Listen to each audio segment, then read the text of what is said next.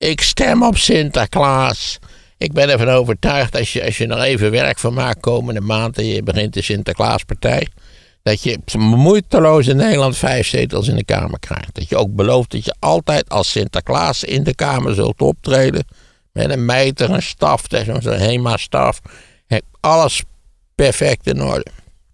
Vijf zetels, schat ik. Het verlossen, kunt u mij horen?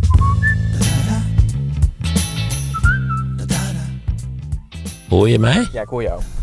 Heel goed, dat is altijd geruststellend. Ja. Zo. Deze de knopjes even vastdraaien. Ja, ik denk dat uh, natuurlijk de, de algehele toon van een publicatie... dat die natuurlijk ook doorklinkt in, in de artikelen die ze schrijven. Zeker als het over politiek gaat. Ja. Want dit is dus Het een is stuk... natuurlijk duidelijk dat Elsevier's Weekblad anders over de politiek schrijft dan, eh, laten we zeggen, de NRC. Erik Vrijs Of de Volkskrant. Ja. Maar zij zeggen dus waarom Rutte 4 viel. En ze schijnen dus het document in handen te hebben wat Rutte op tafel heeft gelegd bij de andere coalitiepartners. En de conclusie van in ieder geval de inleiding is, op één regel ging het mis. Ja, dat is natuurlijk een beetje de druppel die de emmer doet overlopen. En nou ja, we hebben op dat terrein een hele reeks van interessante spreekwoorden.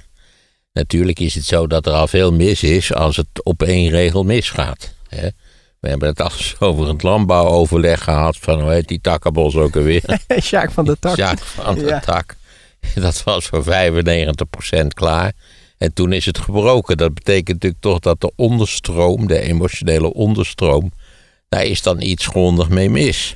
Of dat gewild is of niet, dat is nou weer een andere zaak. Want je kunt ook ervan uitgaan, ja, als het dan op één regel eh, fout loopt, dan eh, moet het toch wel zijn dat er wel een beetje opgestuurd is dat het fout zou lopen. Lijkt mij althans. Ja, ik zal in ieder geval een paar dingen even aanstippen die wel interessant zijn om nu te benoemen. Eh, want hij begint eigenlijk, die Erik Vrijsen, met te vertellen dat Jezilgus, die moest op een gegeven moment die documenten naar de Kamer sturen. Want de Kamer wilde natuurlijk ook weten van wat is er nou eh, allemaal gebeurd. En 46 documenten zijn er gestuurd. Maar dat ene document, wat Rutte dus had voorgesteld, dat hebben ze er niet bijgevoegd. En dan is daar de reden van, ja, bescherming van de vertrouwelijkheid waarin deze standpunten zijn geformuleerd, is dan als reden opgegeven. Ja, dat is ook al niet bijster overtuigend natuurlijk. Als het toch misgelopen is, laat het weten. Uiteindelijk komen we er na 25 jaar altijd achter, want ik geloof dat dan de notulen van de kabinetsvergadering openbaar gemaakt worden. Als het tenminste niet nog een extra limiet is voor bepaalde zaken, dat weet ik eigenlijk niet precies. Maar tenslotte hoor je het altijd. Al kan het eh, over een kwart eeuw zijn. En aangezien ik dan een leeftijd heb bereikt eh, die eh, praktisch onmogelijk is om te bereiken, zal ik dat niet meemaken. Ik hoor toch ook wel mensen zeggen die nu geboren worden, die zeggen van nou, we gaan wel drie, nou, drie eeuwig kunnen we wel meemaken. Dus als je eind Nee, jaren dat 90... lijkt mij een volstrekte illusie. Het, het lijkt mij dat als je geluk hebt, want je moet ook natuurlijk niet een of ander slopende kanker krijgen. Je moet een hart hebben wat lekker door blijft tikken met een beetje, een beetje regelmatig. Nogmaals, je moet medisch geluk hebben. En dan moet je nog verstandig leven. Dus je moet niet je hele leven zijn gek roken en zuipen. En niet waar gaan wandelen in Nepal, ik noem maar wat op.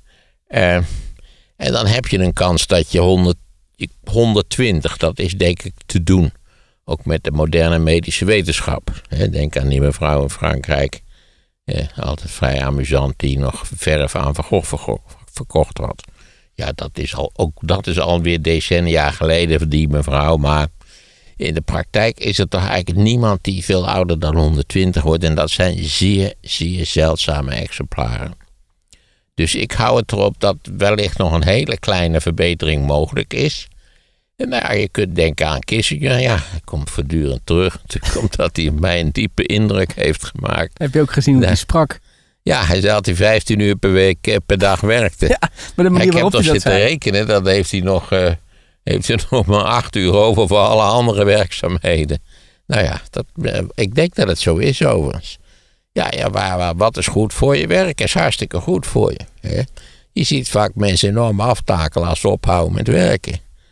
Dus ja, dat geldt voor alle oudjes. eh, En we krijgen steeds meer oudjes, zoals je weet, in Nederland.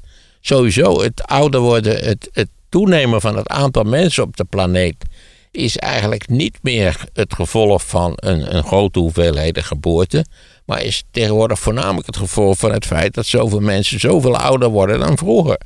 Hebben gemiddelde de verwachte levensduur van een man die ergens op dit moment in de wereld wordt geboren is 70. Hetzelfde als voor een man in Nederland in 1950. Toen wij ook al een verhoudingsgewijs zeer rijk en welvarend Wat land is de waren. bron hiervan? Dat is dat boekje van die Rosling. Over de feiten en cijfers. Ik dacht dat het 80 was. Voor een man. Nee, niet wereldwijd, dat, denk, dat lijkt mij niet waarschijnlijk. Maar ik zou maar zeggen, als je in Dhaka wordt geboren, hoofdstad van Bangladesh, dan is je levensverwachting ook 70.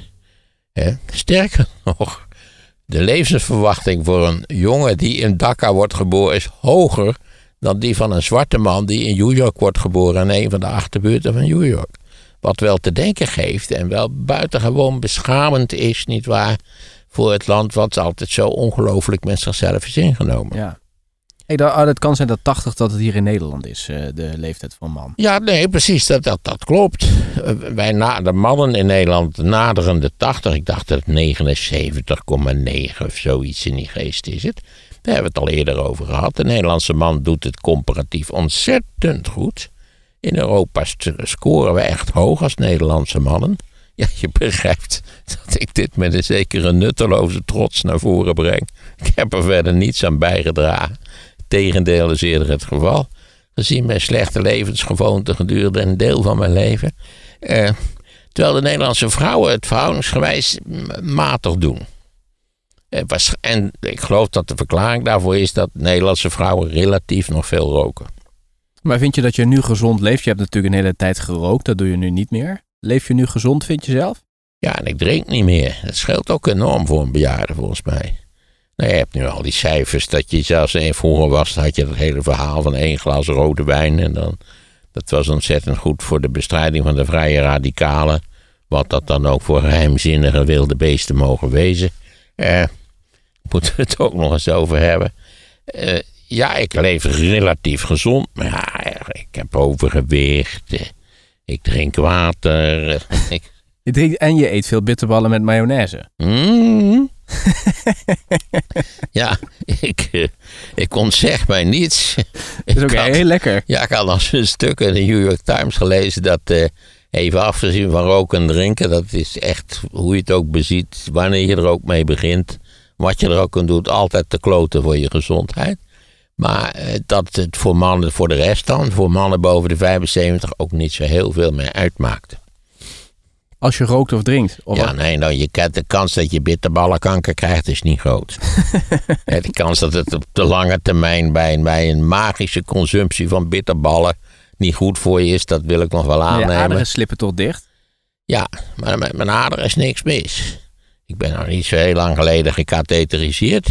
En, en ja, die, die, die man die dat deed, die zei van nou, dat ziet er tip-top uit. Ik dacht nog dat er misschien een heel aantrekkelijke verpleegster was binnengekomen. En dus ik zei van, eh, u bedoelt u mij? Ja, zei hij, dat ziet er tip-top uit, die aderen van mij.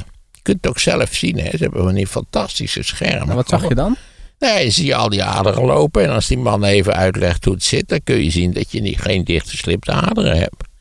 Wat volgens mij, ik denk, het gevolg is van het feit. Moet je niet te lang doorzeiken over die gezondheid van mij. Maar wat eh, volgens mij, dat ik altijd heb gewandeld. Mijn leven lang. Een beetje vanaf de middelbare school tot de dag van vandaag. Ik probeer toch wel, ja, het zit vaak tegen als je de hele dag allerlei dingen te doen hebt. Maar ik probeer toch eigenlijk elke dag te wandelen. Kijk, dit is een, een goede tip. Ik heb er gisteren, toch ook weer 4,8 kilometer opgezet. Hmm. Ik vraag me nog af wat al die jongeren, want die, die drinken nu natuurlijk ook nog wel, maar die gebruiken ook heel veel drugs. Wat, wat het effect daarvan is op de gezondheid op de langere termijn. Nou, ik ben ervan overtuigd dat effect van die drugs niet best zal zijn. Dat is wel duidelijk. Maar ik heb ook wel begrepen dat je voor je 35ste wel wat zondes kunt permitteren. Je lichaam wordt natuurlijk kwetsbaarder. Je immuunsysteem takelt langzaam af. Eh, nou ja, waarvoor zijn we evolutionair ontworpen? Ik zou zeggen een jaar of 50 of zo. Dus we worden al eh, overschrijden de grenzen al fors. Ik zal nog even dat stuk van Rutte erbij pakken, want Elsevier heeft dus uiteindelijk wel dat stuk eh, in handen gekregen. Dat voorstel heet voorstel MP voor voorwaarden gezinshereniging subsidiair beschermde. En eh, het is geen uitgesponnen, zo schrijft hij Erik Vrijzen, dan compromistekst, maar het is eerder een beknopt schematisch overzicht van de pijnpunten binnen de coalitie, bijna een tabel van uitgangspunten en juridische principes, schrijft hij op. Ja, dat is een beetje raar. In die zin dat dat wat je nu inleidend voorlas is zeer beperkt. Dat gaat in feite over concrete punten op het punt van gezinshereniging. Op zichzelf een belachelijk punt om een kabinetscrisis op te- te zetten. Maar goed, dat hebben ze gedaan. Naar mijn mening, omdat ze vast van plan waren om het kabinet te laten vallen, dondert niet waarop, maar liefst op een immigratiepuntje. De meeste mensen hebben geen idee van getallen, dus die laten zich gauw bang maken op dat punt. Heel fijn voor een verkiezingscampagne vanzelfsprekend, die altijd vol zit met lulkoek. Dat geldt voor de meeste verkiezingscampagnes. En dan komt er een tweede stukje in wat jij voorlas van een hele, hele waslijst van bezwaren en pijnpunten in de coalitie. Die ik dan wel verdomd graag wil zien, die lijst. Wat zijn die pijnpunten dan in de coalitie? Dat zou ik wel graag willen weten. Nou, in ieder geval als ik het stuk zo Kijk, lees... als er een, een- dat, dat het kabinet geknald is op immigratie, zegt flauwekul. Hoe als dat nou ging om een, een, een massale stroom die we totaal niet aankunnen. In zoverre het lijkt alsof we het niet aankunnen, hebben we het zo georganiseerd dat het lijkt alsof we het niet aankunnen. Als ik dit stuk zo lees, is wel een beetje de afdronk ervan dat Rutte het idee had, we komen eruit. Er staat ook, Rutte denkt dat die woensdag, voordat dus het kabinet viel op de, op de vrijdagavond, dat de coalitiepartners zijn voorstel, wat dus op tafel lag, dat ze dat wel zouden slikken. Maar hij kon weten dat dat niet ging gebeuren. Dat kon hij weten met, met hoe heet het, eh, die, die, die christelijke partij, eh, chr- christelijke, hoe heet nou, de Unie. ChristenUnie. sorry, ChristenUnie. Hij kon weten dat die dat niet zouden accepteren. Het kan ook nog zijn dat hij dacht, we komen er wel uit. Hè? En, en dan nog overigens waarom dit zo hoog spelen, terwijl het verder niet zo'n bijzonder interessante kwestie. Heeft hij misschien toch ook eh, dat setje gekregen van het partijbestuur, joh, maak er nou een eind aan. Hè, dan hebben we D66 hebben we ook de midden gezaagd. Hartstikke fijn. We zijn van die klote agenda van D66 af die wij helemaal niet willen, want we zijn een fijne conservatieve partij. Ja, dus dat wil je allemaal ook nog wel graag weten. Ja. Die pijnpunten die zouden onder andere gaan over wat er dus de afgelopen, want ze zijn al maanden praten, hè, eh, allemaal is gebeurd. Dat zou onder andere in dat lijstje van pijnpunten zitten. Ja, maar dan wil ik wel graag weten welke de pijnpunten zijn. Nou, ik denk deze, of eh, ChristenUnie had natuurlijk heel duidelijk dat ze het gezin bij elkaar willen houden en niet willen splitsen. Ja, maar nogmaals, we moeten ons niet blind staren op die, eh, die. Want als, als bodem voor een kabinetsformatie is dat gewoon kinderachtige zeik. Hmm. Het gaat op zijn best om enkele duizenden mensen. Hmm. Sowieso is, het, is de immigratie of de, de, de, hoeveelheid asielzoekers in Nederland, die valt best mee. Die is niet groter bijvoorbeeld dan in andere landen. We hebben niet een beleid wat bij uitstek aanzuigend werkt. Dat is allemaal kletskoek. Wat nog interessant is om even aan te stippen, is dat er dus onderscheid gemaakt werd in dat voorstel van Rutte weer, volgens EW, tussen vluchtelingen aan de ene kant en de subsidiair beschermden. En met name die laatste groep, die wilde Rutte dus eh, inperken. Ik zal even uitleggen wat, hoe zij dat omschrijven, die subsidiair beschermden. Dat zijn mensen die hier naartoe komen met het verhaal dat ze niet kunnen terugkeren omdat er zwaarwegende redenen zijn dat zij dan schade lopen. Bijvoorbeeld een doodstraf of een executie. Nou ja, dat zal dan beoordeeld moeten worden, nietwaar? Dat wordt in Nederland beoordeeld of dat terecht is, ja of nee. Als je vlucht uit Iran, of dan, eh, ja, of dat, dat, dat, daar kun je natuurlijk al gauw zeggen. Ik word daar ook bedreigd met de dood, maar of dat zo is, dat is weer een tweede vraag. Vandaar dat we een hele waslijst hebben van veilige en niet veilige Er zit een beetje in, je kunt met een smoesje misschien Ja, ja dat zou kunnen, ja. Maar goed, dat is ter beoordeling. eh, Vandaar dat heel veel van die mensen worden niet toegelaten. Ja, maar dat is dus het bezwaar van VVD en, en ook CDA. Dat die, die laatste groep, dus die subsidiair beschermde, dat die de laatste jaren vaak vier keer zo groot is geworden als de groep reguliere asielzoekers. Nou, dat zou best kunnen zijn. Ik denk ook dat een groot deel wordt. eh, Kijk, het, hoofd, het hoofdpunt is dat een hoop van die eh, mensen die binnenkomen. We hebben het over al die grote getallen, die kun je dan allemaal zo aftrekken. Dus dat zijn mensen uit de EU. Dat zijn mensen die vertrekken, waar je het nooit over hoort. Oekraïne niet noemde je eerder al. Daar hebben we, dat, we hebben heel dat lijstje doorgenomen. Eh, maar goed, dan, zijn- dan blijven er dus 40.000 asielzoekers over. Eh, hoe die specifiek van geval tot geval eh, reden hebben om, om hier te willen zijn, dat, dat moet je dan even beoordelen. Maar dat wordt beoordeeld, bij mijn weten. Als het te slap wordt beoordeeld na het, het idee van de VVD, dan zou ik zeggen, dan moet je beleid voeren. Mhm. De VVD is de dominante partij in alle coalities geweest in de afgelopen, nou ja, in ieder geval sinds 2010.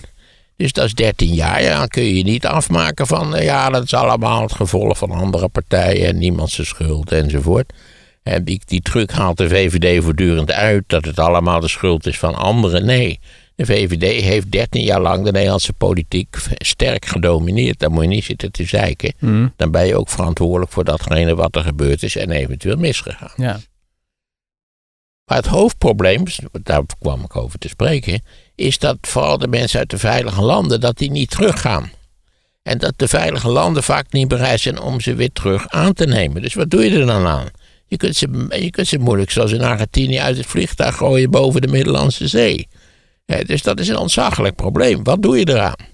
Er was laatst ook allerlei, allerlei publiciteit in de kranten voor een meneer die geweldige oplossingen had bedacht en een kritisch boek had geschreven. Hartstikke lollig, maar voor dit probleem gaf hij geen oplossing. Ja, dat was er. Ja, ah, wat doe je dan? Niks. En dat is het probleem wat natuurlijk als je even kijkt naar, naar de, de, de hele bovenkant van Afrika. Ik zou maar zeggen, die, eh, dat, wat in feite alweer een continent op zichzelf is, eh, is. En de onbeschrijfelijk beroerde toestanden die daar heersen. Nou ja, ben ik op dat punt niet erg eh, eh, optimistisch Nou, gestemd. Tunesië, hè, die woestijn van die mensen in Tunesië. Die, Ja, nou ja, dat kunnen we niet tolereren. Hè? Kijk, als het, als het alleen kan worden aangepakt met moord en doodslag. of gegarandeerde verdrinking in de Middellandse Zee, dat kan toch niet de bedoeling deze zijn? mensen gingen dood van de hitte. Hè. Die heb je Nou ja, hoe ze ook doodgaan, maar ze, ze zouden niet dood zijn gegaan.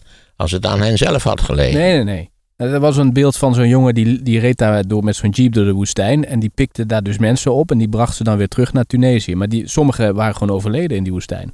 Ja, maar kortom, dat zijn dingen die we anders moeten aanpakken. Iedereen zal het erover eens zijn dat het een gigantisch probleem is. Wat deels onoplosbaar is.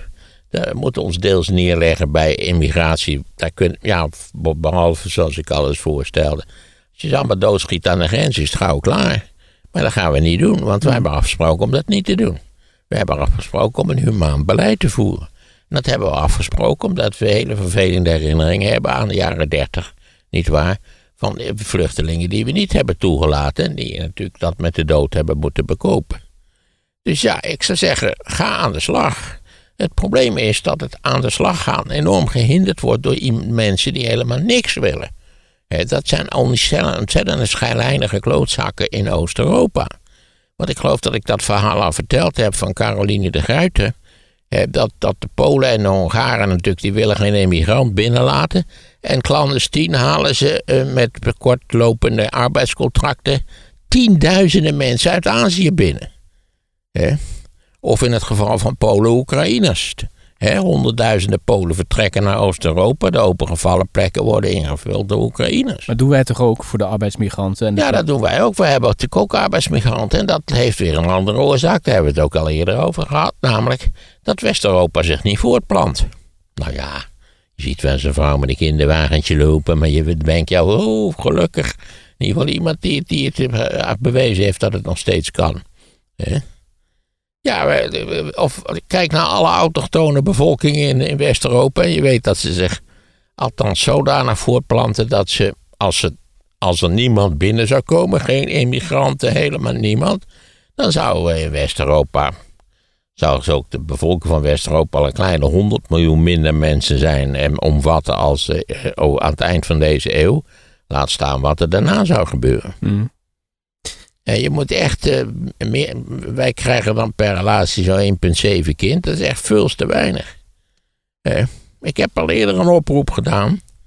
Waar op zichzelf al komisch op gereageerd werd op het Er internet. kwamen brieven op. Ook, ja, ja. ja, daar kwamen ook allerlei brieven Wat over. schreven die mensen? Nou ja, dat het schandelijk was. En dat ze dat zelf al zouden bepalen. Ja, alsof ik zei, alsof ik zei dat het een verplichting werd. dat er een gemeenteambtenaar kwam bellen van... eh, Zeg, eh, hoeveel kinderen heeft u? Al één? Nou, daar kunnen er nog wel drie bij. Die manier. Ja, ik kon het allemaal wel vrij... Sowieso zijn de reacties op het internet vaak toch... van een bijzonder komisch karakter. Vraag je me af, wie zit hier nou achter? Wat is dat nou voor persoon die dit schrijft? Ik heb geen idee. Maar hier werd ook vrij uitgebreid op gereageerd. Wat denkt hij wel? En ja, dat soort van dingen. Ik denk er helemaal niks speciaals bij. Hey, ik vind wel dat Rutte in dit stuk best wel positief eh, eh, eruit komt. Want hij schijnt ook een niet geringe handreiking te hebben gedaan over die gezinshereniging. Want ooms en tantes behouden het recht bij die laatste groep, hè, dus die subsidiair ehm beschermde, om zich later te herenigen met kleinkinderen, neefjes en nichtjes. En dat schrijven zij hier ook van een niet geringe handreiking van Rutte.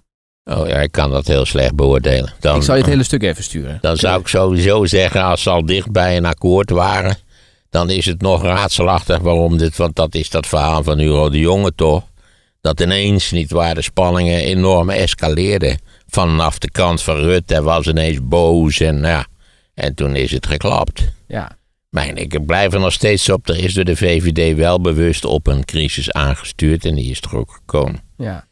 En dat dat verdedigd wordt met het landsbelang, dat vind ik nog steeds helemaal volstrekte onzin. Nou, ze schrijven hier, eh, uit de stukken blijkt hoe dicht VVD, eh, de CDA en de andere kant, en aan de andere kant D66 ChristenUnie bij elkaar waren. Dus Ja, dat doet toch heel sterk denken aan het takkenbosoverleg. Hè? Eh, hoe heet die nou? Van? Sjaak. Ja, 95% was klaar. Hier was 95% klaar. Kom op dan. Dan knalt het toch niet meer. Kom nou, wat is er nou voor kinderachtigheid? En de vraag is Dat is toch helemaal niet overtuigend. Dit is toch gewoon om degene die het hebben laten knallen uit de wind te houden. Dat voel je toch aan je water. Dus jij denkt dat dit stuk eh, van Erik Vrijsen, dat, want ja, het is wel heel positief over de VVD, dat dit een soort van spin is misschien. Nou, zonder twijfel. Maar het is wel een serieuze journalist. Weekblad is niet een blad wat, wat a priori eh, als maatgevend moet worden beschouwd voor de beoordeling van het recente verleden. Zij zeggen wel dat we Ik hebben wel... formuleer het een beetje ingewikkeld, maar het is een rechtsblad. Ja, maar zo is de Groene Am- Amsterdammer en Linksblad. Maar het Ja, zijn wel, maar natuurlijk. het zijn wel Daarom serieuze moet je ook, stel voordat je aan de geschiedschrijving begint, dan moet je dus niet alleen rechtse bladen lezen of alleen linkse bladen. Nee, je moet zoveel mogelijk bladen lezen. Sterker nog, uiteindelijk moet je naar de documenten waar hier over gesproken wordt, maar die toch nog in het duister blijven. Ja. Wat daar dan eigenlijk precies in heeft gestaan. En de geschiedschrijver zal naar de documenten moeten kijken. Ja. En aangezien Rutte nog jong is, niet waar, en voor bij mijn weten een gezond leven leidt, heb je een goede kans dat de eerste historici van dit drama Rutte nog kunnen interviewen. Ja. En dan zal hij ondertussen, staat hij natuurlijk ver weg van deze zaken. En dan zal hij zichzelf ook wel een beetje uit de wind willen houden, dat wel. Maar dan kunnen we ook nog weer extra informatie krijgen. Maar om bij voorbaat EW te beschouwen als het blad waarin de geschiedenis op de juiste wijze uit de doeken wordt gedaan, daar ben ik niet zo eh, gelukkig Maar mee. het is wel natuurlijk een serieuze journalist. Die kan niet iets opschrijven wat niet klopt. Nee, dat geloof ik best. Maar het kan, eh, ook, als, ook een zo, eh, serieuze journalist heeft een, een specifiek parti pris. Dus die, die, die heeft waarschijnlijk, vindt hij die Rutte een gezellige peer. Of hij heeft wel eens een biertje met hem gedronken. Dan, dan wordt het al vaak al lastig om te zeggen dat iemand eh onaangename dingen heeft gedaan. Hmm. Trouwens, Rutte is natuurlijk helemaal geen onaangenaam mens. Het is een alleraardigste man, maar het is Hmm. een politicus. Ja. Zijn kracht was juist dat hij altijd de indruk zo goed wist te wekken dat hij een beetje afstandelijke, vlotte, aardige, leuke man was. En eigenlijk wat minder een politicus. Aangezien politici niet waar in het algemeen een weinig betrouwbare indruk maken. Mhm. En dan zijn er massa's bij die ook niet bijster betrouwbaar zijn. Dat is een feit.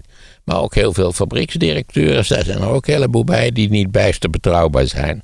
En zo kunnen we nog wel even, sterker nog, podcastmakers. Zelfs daar zijn er, zijn er wel een paar bij die niet bijster betrouwbaar zijn. Gaan we ons niet, niet over uitspreken, de concurrentie, maar het is natuurlijk, het is overal zo. Ja. Hier staat het venijn van Rutte's voorstel zat hem tenslotte in één regel halverwege het document. Daar staat heel cool, wachttermijn gezinshereniging twee jaar. In wezen was dit ook een eh, versoepeling van wat minister-president en zijn VVD eerder wilden. Ja, hartstikke leuk. Maar iedereen wist, die er enig verstand van had, dat deze hele poppenkast van dat, dat, dat laten we zeggen, amenderen van die gezinsherenigingsregels, dat dat juridisch eh, er niet, eh, niet oké was. Dat het ook door, elk, eh, door elke rechter afgewezen zou worden. Ja. Dan kun je natuurlijk zeggen, ja, dat duurt twee jaar voordat het zover is. En in die twee jaar kun je dan de boel blokkeren. Maar het is in feite flauwekul. Mhm. Hoe weeg je nou zeg maar dit eh, probleem eh, eh, als je het vergelijkt met alle andere uitdagingen die we nog hebben? Stikstof, klimaatcrisis, Nou ja, die uitdagingen die we al zo vaak benoemd hebben, die langzamerhand zelfs de zuster Nederlander uit zijn hoofd zou moeten kunnen opnoemen, daar wordt natuurlijk geen pest aan gedaan. Dat, dat is natuurlijk het, het bezwaar wat tegen deze hele gang van zaken gemaakt kan worden. Dat het landsbelang met deze flauwekul natuurlijk niet erg gediend is. En dat toch een sterk vermoeden bestaat dat de VVD de indruk had dat ze gezien de constellatie in de Nederlandse politiek na de BB-revolutie niet dat die er zo uitzag dat ze hun machtsbereik zouden kunnen behouden of zelfs lichtelijk vergroten. Omdat natuurlijk bij de VVD een vrij aanzienlijke verrafeling gaande was. Uh, Rutte natuurlijk in de verste verte niet meer zo populair was als die ooit was. Dus ja, ze zagen erbij wel een beetje hangen. Ze dachten, dit is onze kans. Denk ik. Het zijn politici. Hè? Gaat over macht. Maar hoe vind je dit probleem uh, prioriteit Kijk, nummer jij één? zegt die partijprogramma's, daar is er nooit een kiezer die alle partijprogramma's heeft gelezen. Nee, maar je moet ze wel hebben natuurlijk om mee te Nou, je moet er een hebben, want anders zeggen de journalisten dat het er niet is. Maar het stelt nooit iets voor. Wat dat betreft, weet je nog, dat de PVV zo'n A4'tje Ja, had. A4'tje, ja. Met fantasiegetallen, dat was ook wel... Ja, maar ik denk dat dat voor de modale PVV-stemmer ruim voldoende is, eerlijk gezegd. Omdat mensen natuurlijk voor een belangrijk gedeelte stemmen uit vage sentimenten, eh, emoties die ze zelf nauwelijks kunnen benoemen. Eh, en natuurlijk niet denken, laten we die zaken eens even nauwkeurig doorlopen. Hoe zit het eigenlijk precies? Waarbij ze ook nog eens wat naslaan. Hoe zit het met het overheidsbeleid in concreto? Maakt mijn eigen gemeente misschien een uitzondering? Nou ja. Het aantal kiezers wat serieus nadenkt over een politieke keuze is natuurlijk buitengewoon klein. Maar ja, zo werkt de democratie nu eenmaal. Maar die Kijk, partijprogramma's... hoe langer je over democratie praat, hoe meer je denkt van het zou wel een tandje minder kunnen.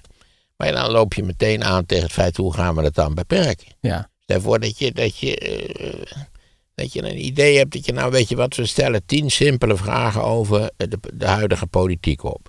Aan wie? En- Aan burgers. Nee, aan de mensen die komen stemmen. Oké.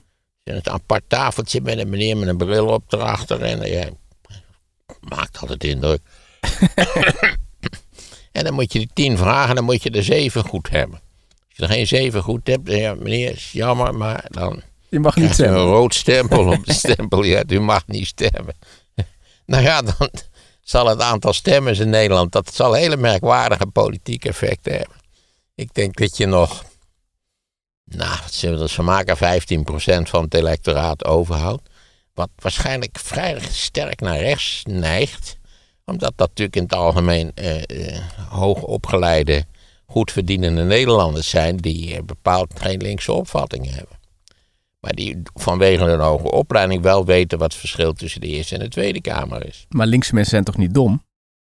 Nee, helemaal niet. Nee. Maar die, in jouw verhaal vallen die allemaal af. Nou, ik ben bang dat het, dat een, dat het een merkwaardige verschuiving zou hebben. Niet, niet naar links, zoals misschien veel mensen denken. Maar eerder, nou ja, of het kan ook wel zijn dat je, dat je ergens in het midden terecht... Ik weet het natuurlijk niet, want het is nog...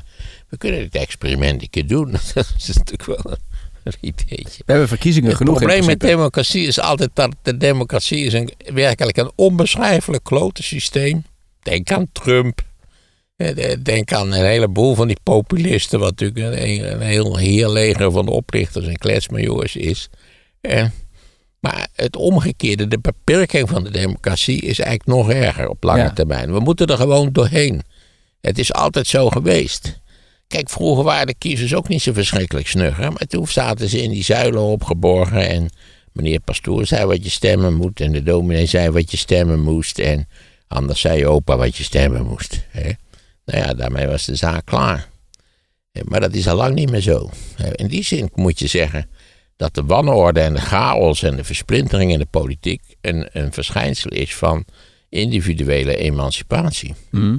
Die partijprogramma's nog eventjes. Hè? Je had het daar net over dat die niet zoveel voorstellen. Maar dit is toch de basis onder de, de coalitiebesprekingen?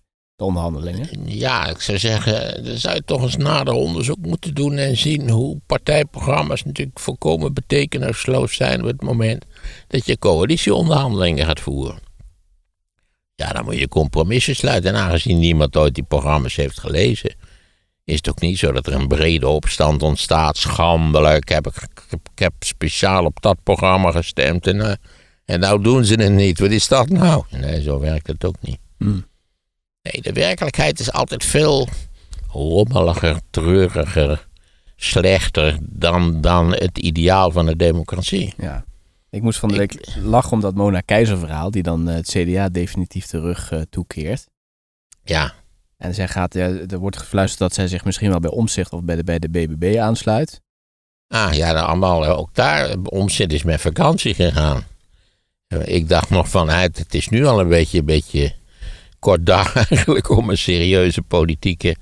Er werd ook weer het woord beweging gebruikt. En daar ben ik ook hoogst ongelukkig mee.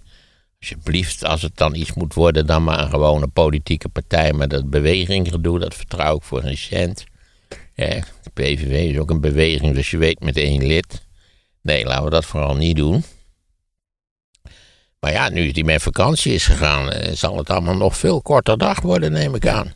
Eh, ik zag op teletext dat de Volkskrant beweerde dat hij met goede vrienden wel aan iets werkte. Ja, dat maakt op mij ook nou niet direct in. Oh jee, dat gaat het worden. Nee, dat geloof ik eigenlijk ook niet. Ik, ik denk nog steeds, maar ja, al mijn voorspellingen zijn niet uitgekomen dat hij gewoon zal zeggen: ik doe het niet. Mm. Of hij heeft, moet een manier hebben gevonden om brede invloed uit te oefenen zonder dat hij per se partijleider, CQ, minister-president zou moeten worden. Ik begreep wel dat hij heeft gezegd van uh, ik wil geen premier worden en ook geen lijsttrekker, want daar ligt mijn kracht niet. Nou kijk, daar zie je dus al dat hij dat heel scherp ziet. Nou is dat dan, wordt dan een hele rare politieke partij, die namelijk geleid wordt door iemand die niet de leider van die partij is bij de verkiezingen.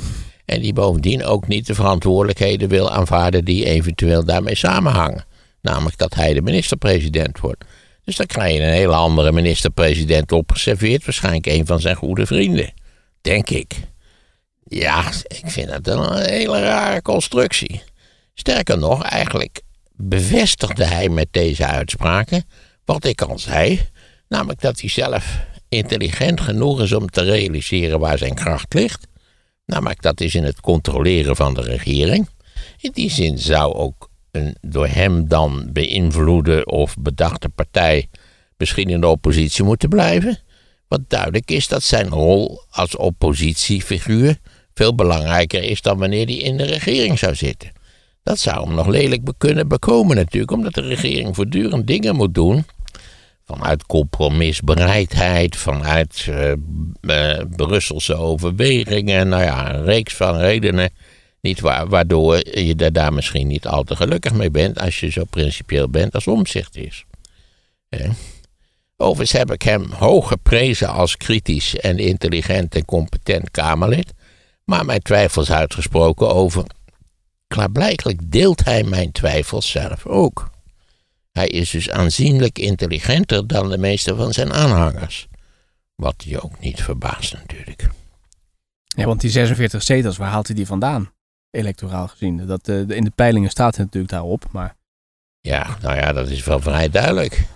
Van de BBB, die, die, die 46 zetels, die kunnen, die kunnen al voor de helft bij elkaar gesprokkeld worden bij de BBB, bij Ja 21, nietwaar? Waar de, waar de Kamerleden ook dood uit de bomen vallen. Dus dat, dat, er is natuurlijk aan de rechterzijde is weinig binding aan die, aan die kletsclubjes die daar ontstaan zijn. Hoe heet het ook, dat BVN, dat gaat natuurlijk ook verdwijnen, dat voel je al aan je water. Ja, daar zit die, die 50-plus uh, oud-man, ja, en Krol, die kwam weer terug. Ja, die was ook al, en die andere man was uit, ook uit de boom gevallen.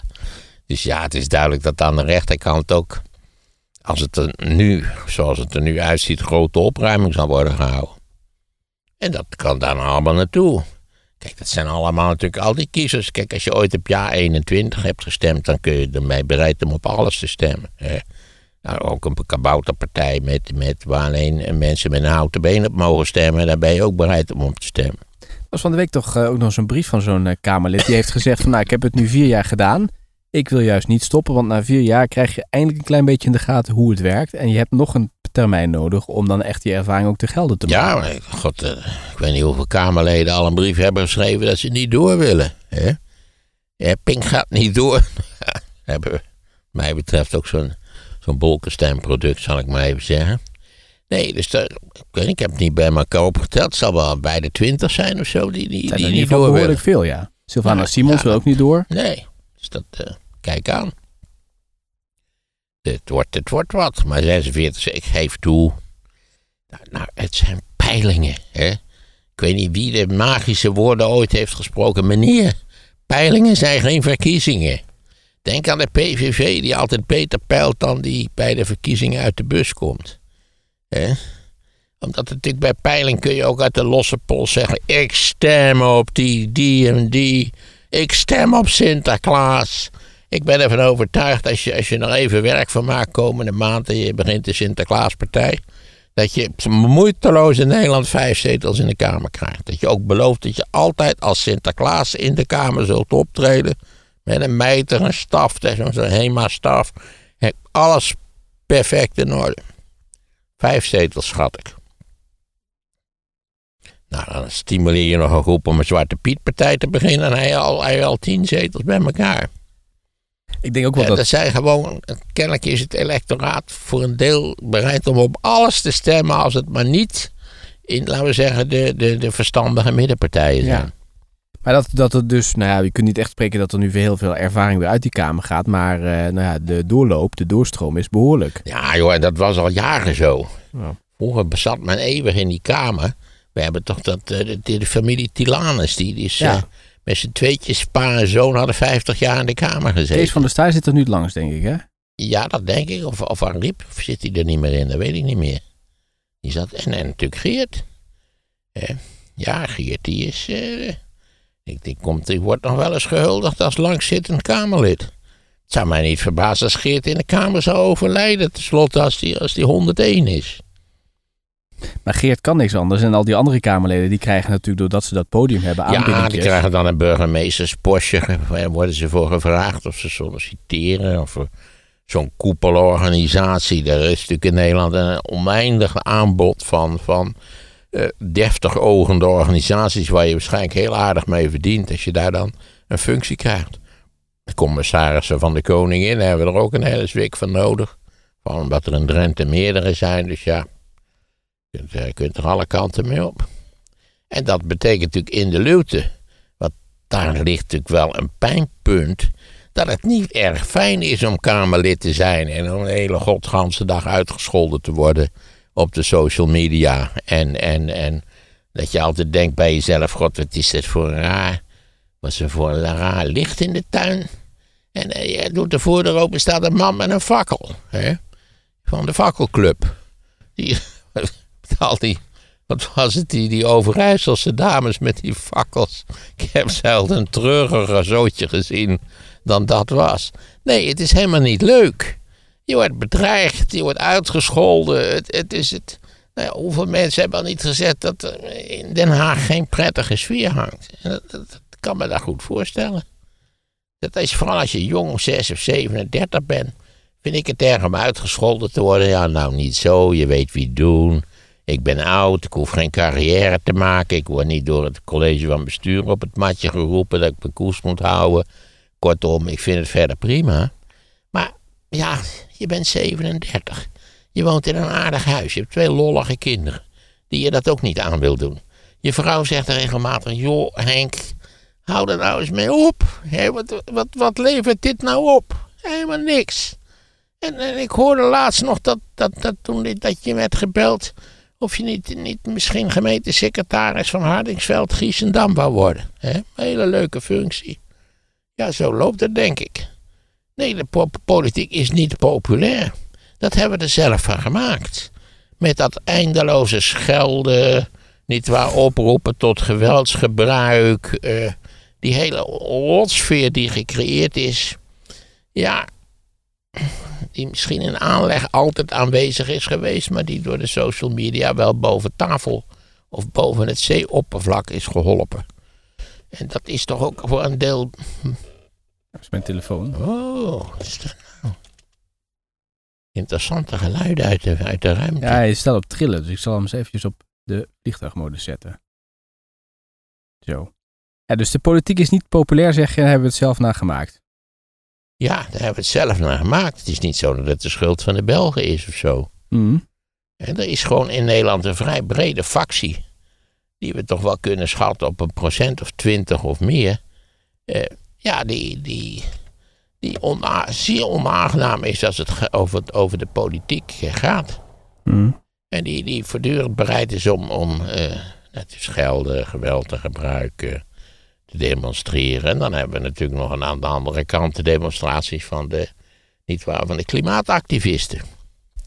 Wat natuurlijk ook eh, weer, weer problemen met zich meebrengt. Mhm.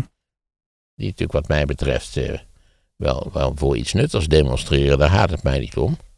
Maar ook natuurlijk op het punt van klimaatpolitiek, als we even terugkomen op de val van het kabinet. Alles staat natuurlijk jarenlang stil. En dat is volkomen onverantwoordelijk. Dus vind ik dat eh, Rutte uiteindelijk eh, onverantwoordelijk heeft gehandeld, ja. Of de VVD, wie, wie ook de ware machers achter de schermen zijn. Dat weet ik niet precies. Het land moet gewoon bestuurd worden door fatsoenlijke mensen die eh, globaal ergens in het politieke centrum staan. Hmm. Rechts heeft niet per definitie gelijk, links heeft niet per definitie gelijk. Je zult het in Nederland toch ergens in het midden met elkaar eens moeten worden. En laten we zeggen, schelden en, en eh, vak, fakkeloptochten, die helpen daar niks bij. De kans dat je bitterballenkanker krijgt is niet groot. Ja, de atoombom. Het luisterboek over de atoombom. takes a deep dive into the life and the legacy of the father of the atomic bomb. Helemaal niet. Het atoombomproject is een gigantisch project waarbij honderdduizenden mensen betrokken waren, wat allerlei verschillende leiders had. Maartens reactie op de film Oppenheimer. En ruim vijf uur lang college over de geschiedenis van de atoombom. Het luisterboek Atoombom luister je nu via de link in de show notes.